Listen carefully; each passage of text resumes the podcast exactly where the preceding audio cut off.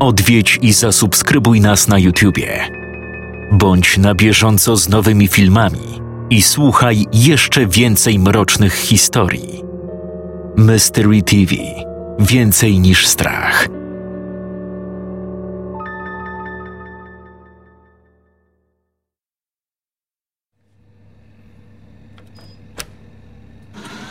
Elizabeth włączyła ekspres.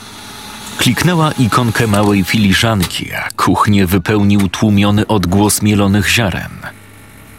Po chwili poczuła aromat świeżego naparu, który każdego ranka poprawiał jej humor. Lubiła kawę.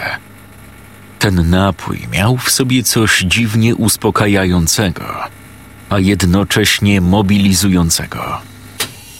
Każdego dnia po wypiciu pierwszej filiżanki kawy, jej umysł natychmiast wybudzał się z trybu czuwania i przechodził w tryb wytężonej pracy.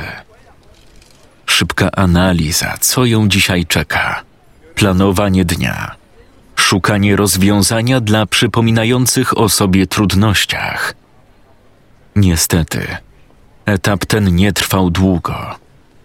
Gdy tylko dojeżdżała do swojego miejsca pracy, natychmiast czuła się wyprana z jakiejkolwiek energii.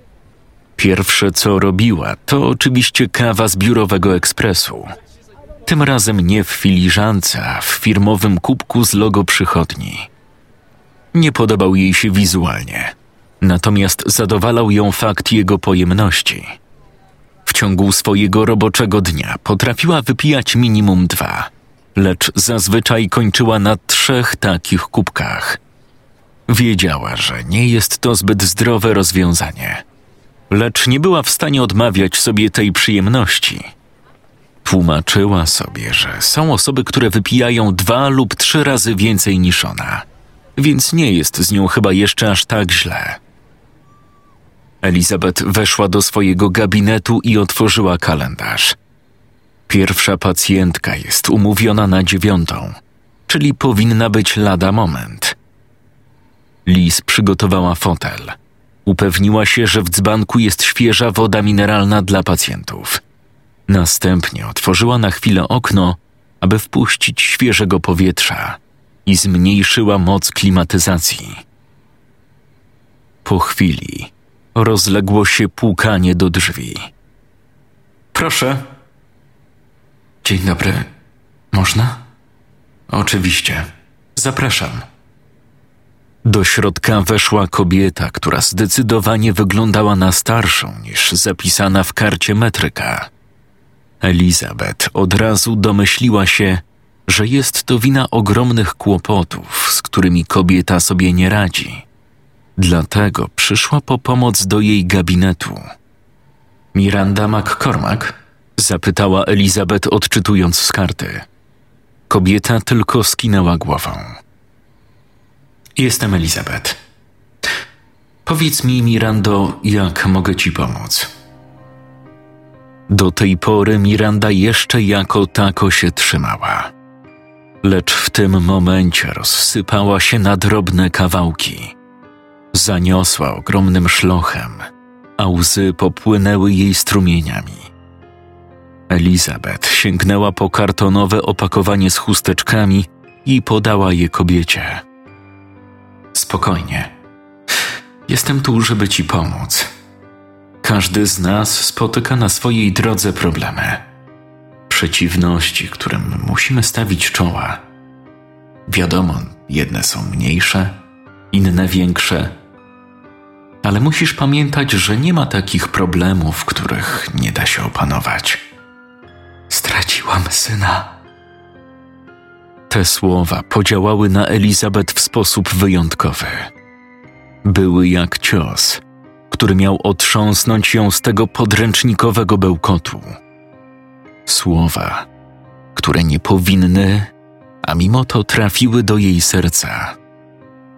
Może dlatego, że sama była matką i takie sprawy natychmiast odbierała zbyt osobiście?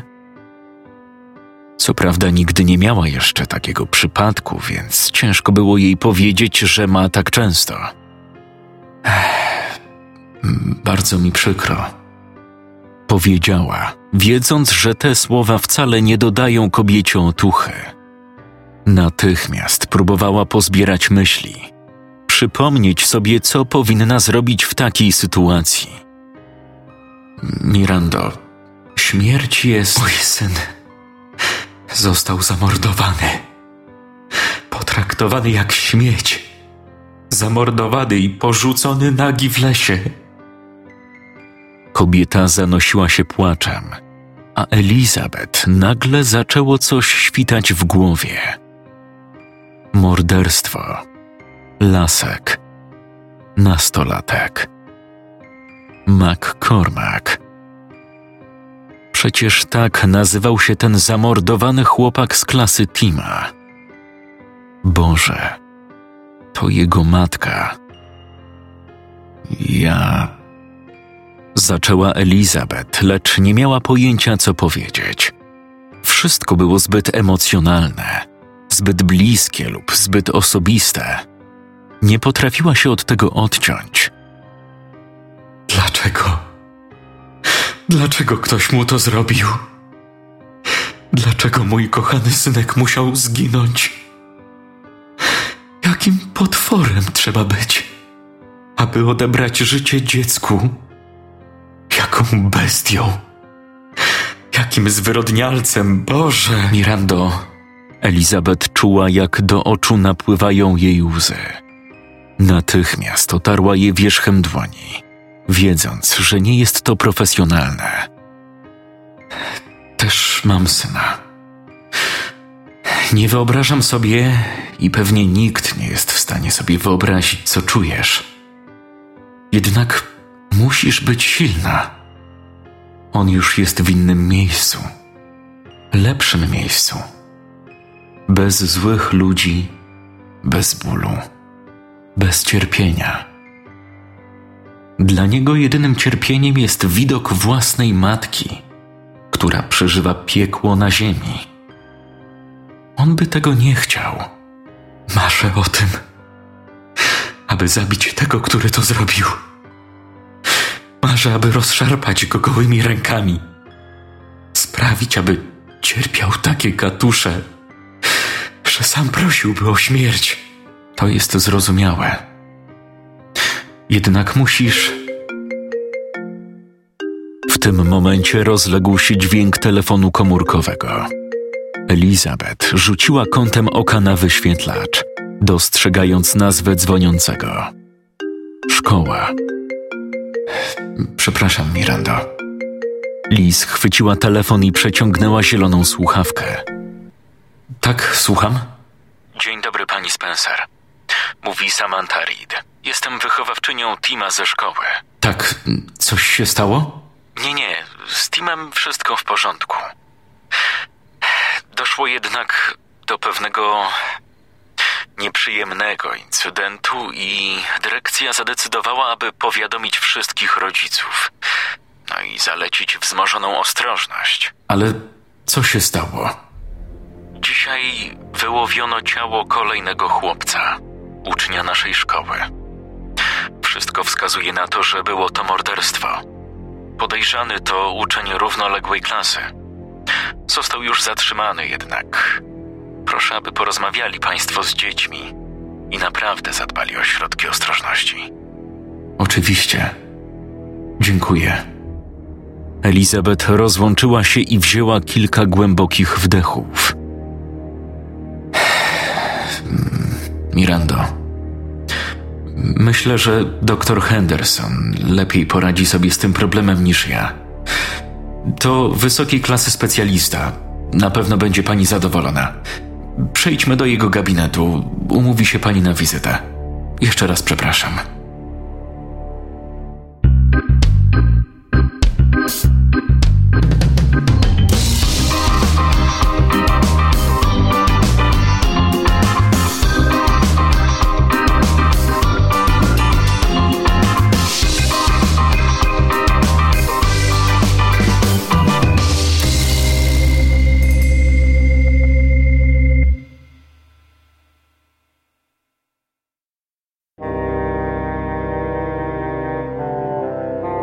Tim stał przy szafce szkolnej, odkładając do niej zbędne książki.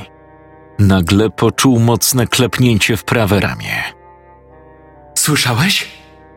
Zanim zdążył się odwrócić, wiedział już, że to Jennifer.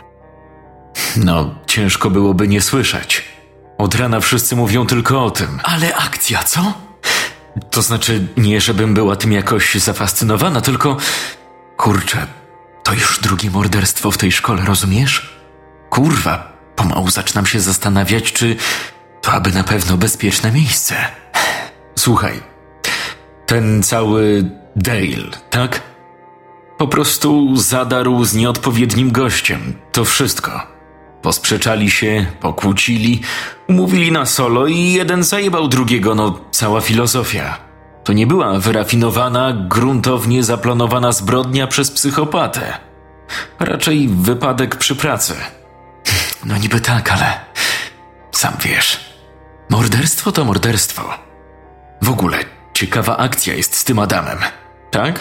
Tak. Było kilka osób, które zeznały, że pokłócił się z Dalem na stołówce szkolnej. Później kilka osób widziało, jak Dale rzucił się na Adama w bibliotece. Ten podobno go śledził.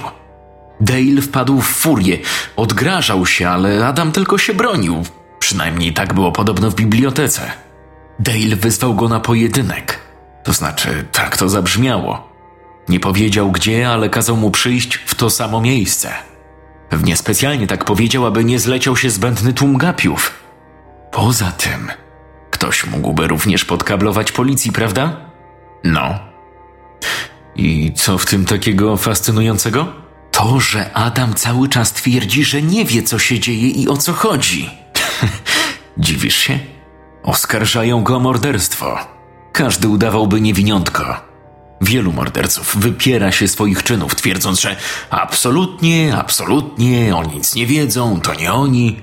A potem, po dokładniejszym śledztwie, wszystko wychodzi na jaw. Sama nie wiem. Po pierwsze, Adam nie wie, o jakie miejsce chodziło. Podobno powiedział to kilku osobom w bibliotece po całym tym zajściu. Po drugie, nie znaleziono narzędzia zbrodni. Po trzecie, A miała Libi? Jennifer zamilkła. Nakręciła się wymieniając kolejne punkty swojej teorii, lecz pytanie Tima natychmiast wytrąciło ją z amoku. Co? Pytam, czy miał alibi. Ja nie wiem, bo mnie ta sprawa aż tak nie interesuje, ale ty wydajesz się być mocno tym zaabsorbowana, więc może wiesz lepiej niż ja. Alibi? To znaczy, Adam mówił, że poszedł pobiegać. Nikt konkretnie chyba nie jest w stanie tego potwierdzić. Policja ma sprawdzać monitoring i takie tam, ale na razie nic nie wiadomo. No właśnie, nic nie wiadomo. Więc póki nic nie wiadomo, nie podniecajmy się za bardzo. Poza tym, to nas nie dotyczy, tak? To nas nie dotyczy? Niedawno zginął jeden uczeń. Chwilę później inny jest oskarżany o morderstwo drugiego, a ty mówisz, że to nas nie dotyczy? A kiedy będzie nas to dotyczyło? Kiedy znajdą ciebie albo mnie w rzece z wyprutymi flakami? Ciszej, ciszej, Jennifer, nie ekscytuj się tak. Ludzie patrzą. Nie to miałem na myśli. Chodzi mi bardziej o to, że ja ich nie znałem. Byli dla mnie kompletnie anonimowymi osobami. Pokłócili się, sprawy wymknęły się spod kontroli i tyle. Jakoś wolę skupić się na innych sprawach niż na doszukiwaniu się teorii spiskowych czy innym prowadzeniu śledztw. Tim był przekonany, że jego słowa zezłoszczą Jennifer, że rzuci mu chłodne spojrzenie urażonej dziewczynki, obróci się napięcie i pomaszeruje przed siebie. Mylił się. Uśmiechnęła się i westchnęła. Może i masz rację. Po prostu za bardzo lubię takie kryminalne zagadki.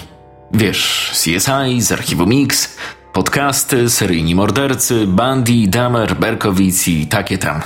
William Spencer, pomyślał Tim. Momentalnie poczuł dreszcz niepokoju. Czy to możliwe, aby Jennifer nie słyszała o nauczycielu mordującym swoich uczniów? Jeśli interesowała się tym tematem, Tim był wręcz pewny, że taka możliwość nie wchodziła w grę. Musiała o nim słyszeć. Może nie znała całej sprawy na pamięć, ale nazwisko William Spencer na pewno było jej znajome. Zatem, czy było możliwe, aby podejrzewała, że Tim Spencer? Nie, nie, nie, nie. To dość naciągana teoria, podchodząca pod paranoiczne lęki o własną tożsamość. Spencer to bardzo popularne nazwisko i w samym Nowym Jorku mieszka co najmniej kilkaset osób o takim nazwisku. To tak, jakby podejrzewać każdą osobę o nazwisku Bundy o pokrewieństwo z seryjnym mordercą. Znowu mnie nie słuchasz. Sorry, nie wyspałem się dziś. To co? Widzimy się u mnie i szlifujemy nasz projekt, tak? Tak. Odprowadził ją wzrokiem, starając się z całych sił nie spojrzeć na jej tyłek. Nie udało mu się.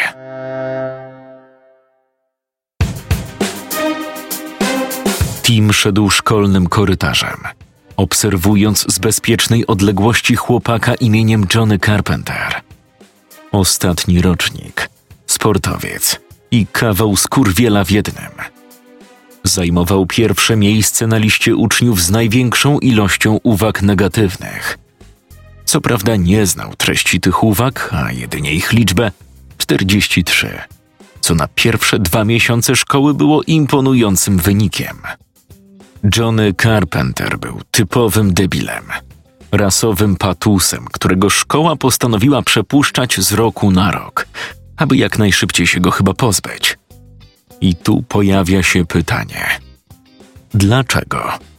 Dlaczego to robili? Przecież jest bardzo proste narzędzie. Usuń z listy. No i tu pojawia się problem. Otóż pan Carpenter, czyli ojciec naszego zjeba, to kongresmen. Tak, zaszczytna funkcja. Oczywiście nie mieszka na Florydzie. Rozwiódł się ze swoją żoną i obecnie mieszka z kochanką w Waszyngtonie. Ale nie oznacza to, że wyparł się miłości do syna. O ile w ogóle można nazwać to miłością. Po prostu zapewnił mu miejsce w szkole i powiedział dyrekcji magiczne cztery słowa: Ma skończyć tę szkołę. I chuj. Johnny ma wszystko kompletnie w dupie. Totalnie.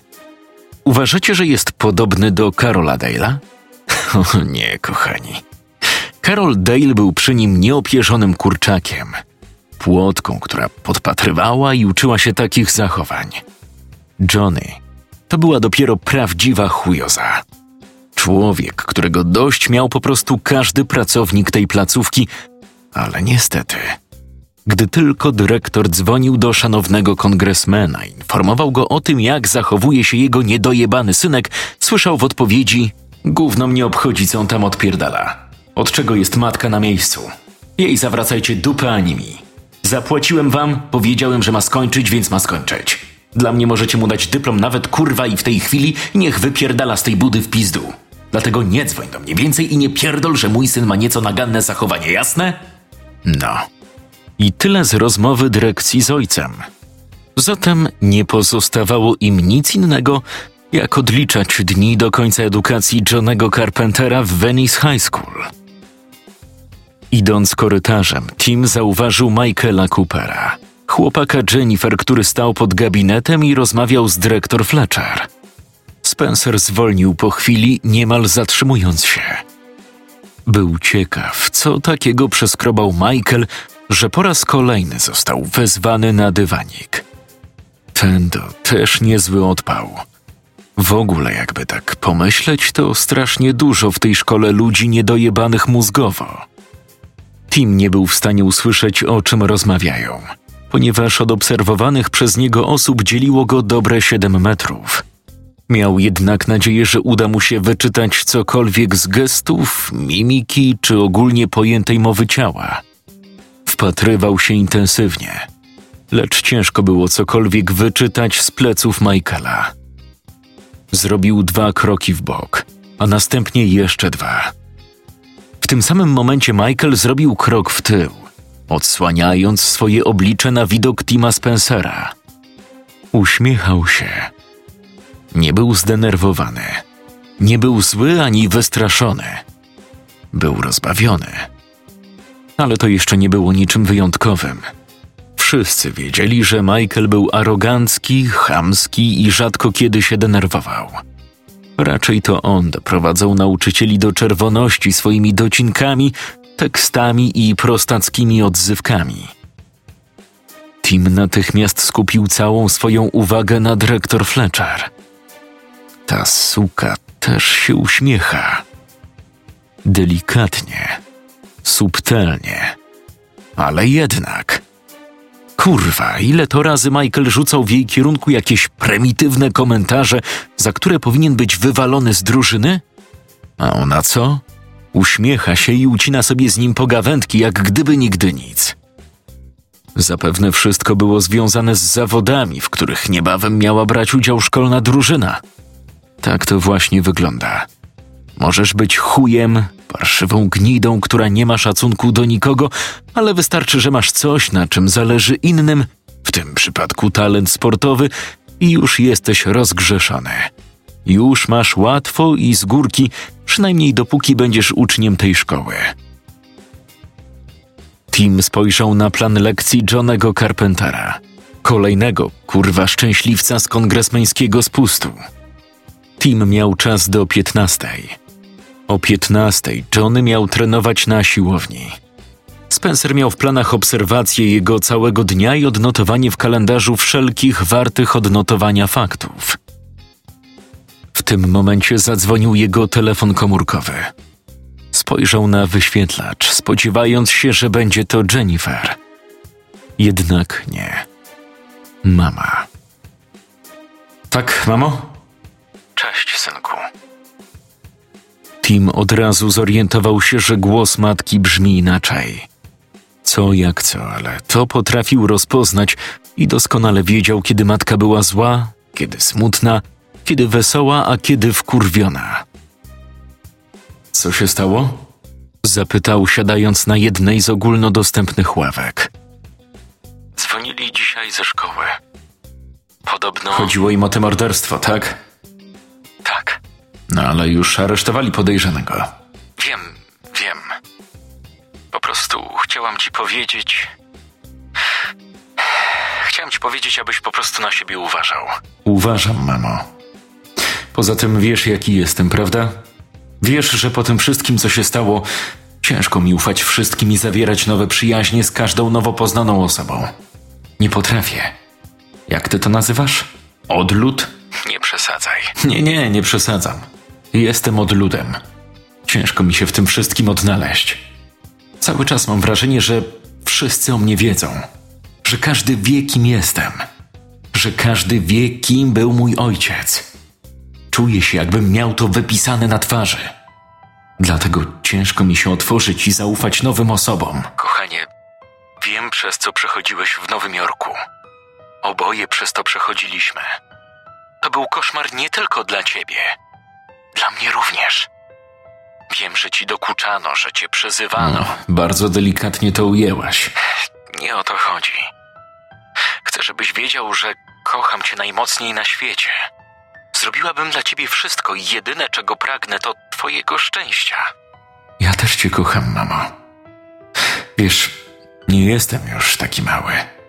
Nie mam tylu lat, co wtedy, kiedy świat dowiedział się, kim naprawdę jest William Spencer.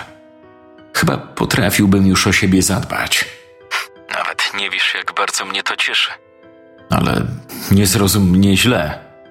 Nie oznacza to, że jestem na tyle samodzielny, że mogę się już wyprowadzić i nagle się mnie pozbędziesz. Oczywiście, że nie. Nie pozwolę ci odejść tak łatwo. W tym momencie zapadła niezręczna cisza, którą na powrót przerwała Elizabeth. Timothy? Oho, zaczyna się. Wiedział, że matka używa jego pełnego imienia tylko w dwóch przypadkach: albo poważnego gniewu i złości, albo w przypadku żartów i ironii. Sam o siebie zadbam? Wyprowadzka? Czyżbyś kogoś miał? O, co wiedziałem, no po prostu wiedziałem, ale ty jesteś przewidywalna, wiesz co, naprawdę. No co? Tak tylko pytam. Nie, nie mam nikogo i poza tym coś strasznie trzeszczy na łączach. Pewnie ten twój stary, wieśniacki telefon, którego nie wymienisz. Halo, halo, nie słyszę nic, bardzo nie słyszę. zabawne, naprawdę bardzo zabawne. Tak tylko zażartowałam. No to słaby żart. Ale pamiętaj, jak już będzie jakaś panna u twego boku, to nie rób tego matce i poznaj mnie z nią. Obiecuję ci, że kiedyś to nastąpi. Ale będzie to dopiero wtedy, kiedy upewnię się, że jej psychika jest na tyle wyniszczona, że znajomość z tobą nijak na to nie wpłynie. Tim, pamiętaj, że nadal rozmawiasz z matką. Ta, też cię kocham. A teraz naprawdę muszę kończyć. Pa. Tim, Tak? mimo wszystko uważaj na siebie, dobrze? Jasne. Pa. Rozłączył się i schował telefon do kieszeni.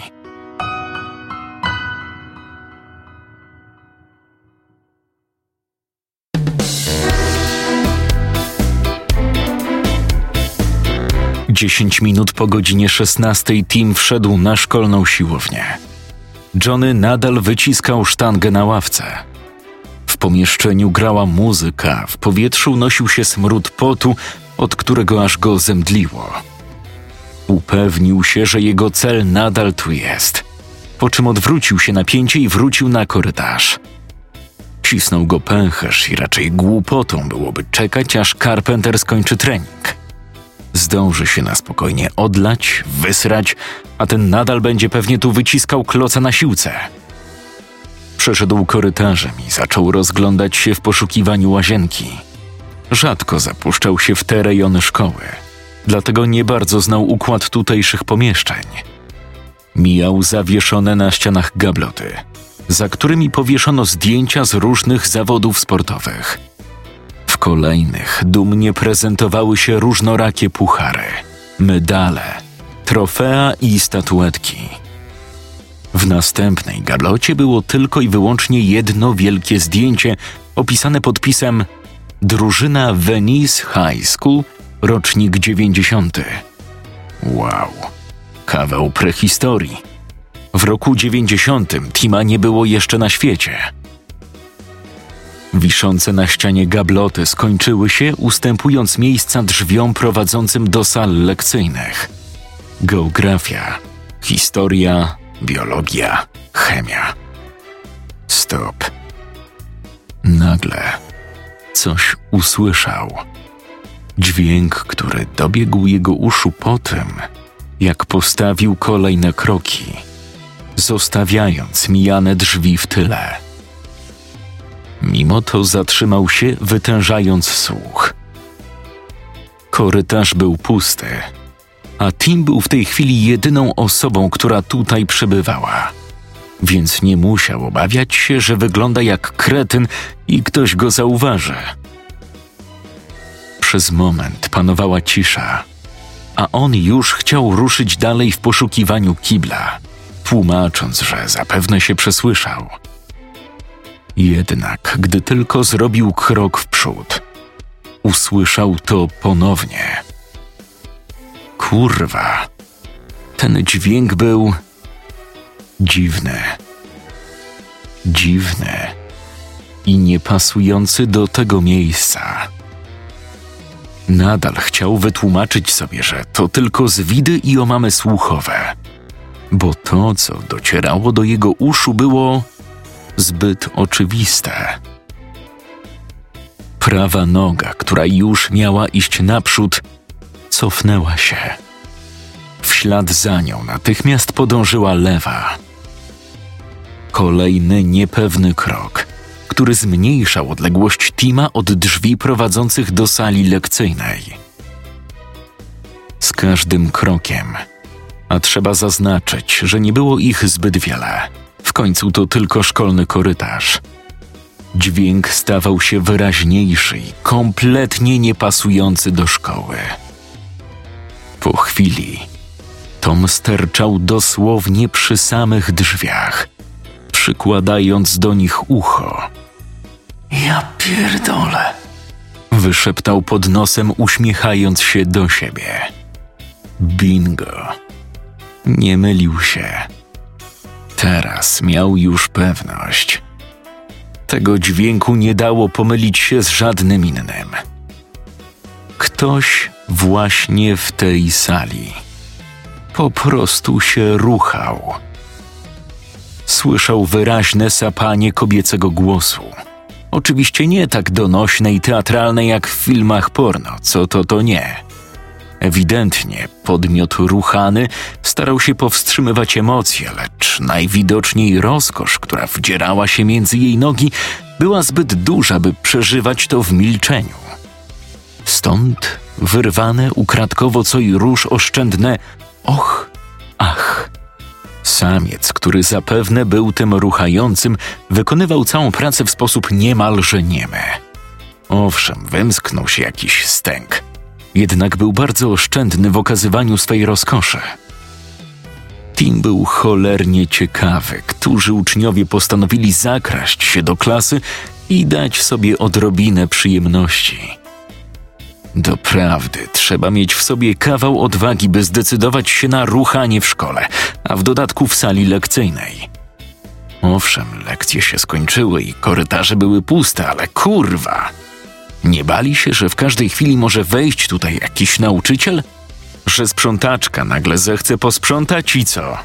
Wejdzie kobiecina z mopem, a tam leży jakaś dziunia na ławce z pierogiem na wierzchu, a jakiś orangutan pompuje z rumieńcami na twarzy. Przecież ta sprzątaczka zapadłaby się chyba pod ziemię. Tim przyłożył oko do dziurki od klucza, jednak nie był w stanie czegokolwiek zobaczyć. Uwierzcie, miał kurewską ochotę, by szarpnąć za klamkę, wskoczyć do środka i krzyknąć: Mam was, króliczki! Co to za ruchanko, co? Zaśmiał się pod nosem na samą myśl. Ciekawość była jednak zbyt wielka. Wiedział, że nie odejdzie stąd, dopóki nie zobaczy, kto się tam pieprzy. Czuł się jak jakiś wścibski staruch, ale cóż, po prostu musiał. Powiedzcie szczerze, kto z was tak z ręką na sercu nie byłby ciekaw i po prostu od tak przeszedł sobie dalej? O? Położył rękę na klamce i najdelikatniej jak tylko mógł zaczął ją naciskać. Milimetr po milimetrze. Obiecał sobie, że jeśli tylko klamka lub drzwi wydadzą z siebie jakiś dźwięk, bierze nogi za pas i spierdala stąd w podskokach. Taki napalony i rozproszony samiec mógłby wypaść z klasy z fiutem na wierzchu i mu wpierdolić. Dociskał klamkę do momentu, aż poczuł opór. Wiedział, że dalej nie pójdzie. Teraz musi tylko pchnąć drzwi. Zrobił to również delikatnie. Między drzwiami a futryną pojawiła się lekka szczelina, jednak nadal zbyt mała, by cokolwiek zobaczyć. Kolejne pchnięcie. Szczelina powiększyła się, a odgłosy kopulującej pary stały się jeszcze wyraźniejsze. Nadal nic nie widział. Kolejne pchnięcie. Kurwa. Pierwsze, co zobaczył, to blada męska dupa, która zawzięcie poruszała się w przód i w tył. Jeszcze trochę. Jeszcze odrobina. Już prawie. O kurwa. Tim wstrzymał oddech. Tego się nie spodziewał.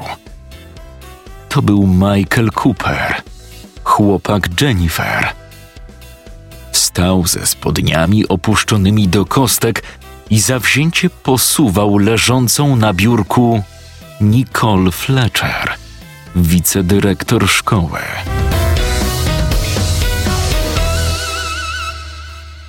Czytał Jakub Rutka.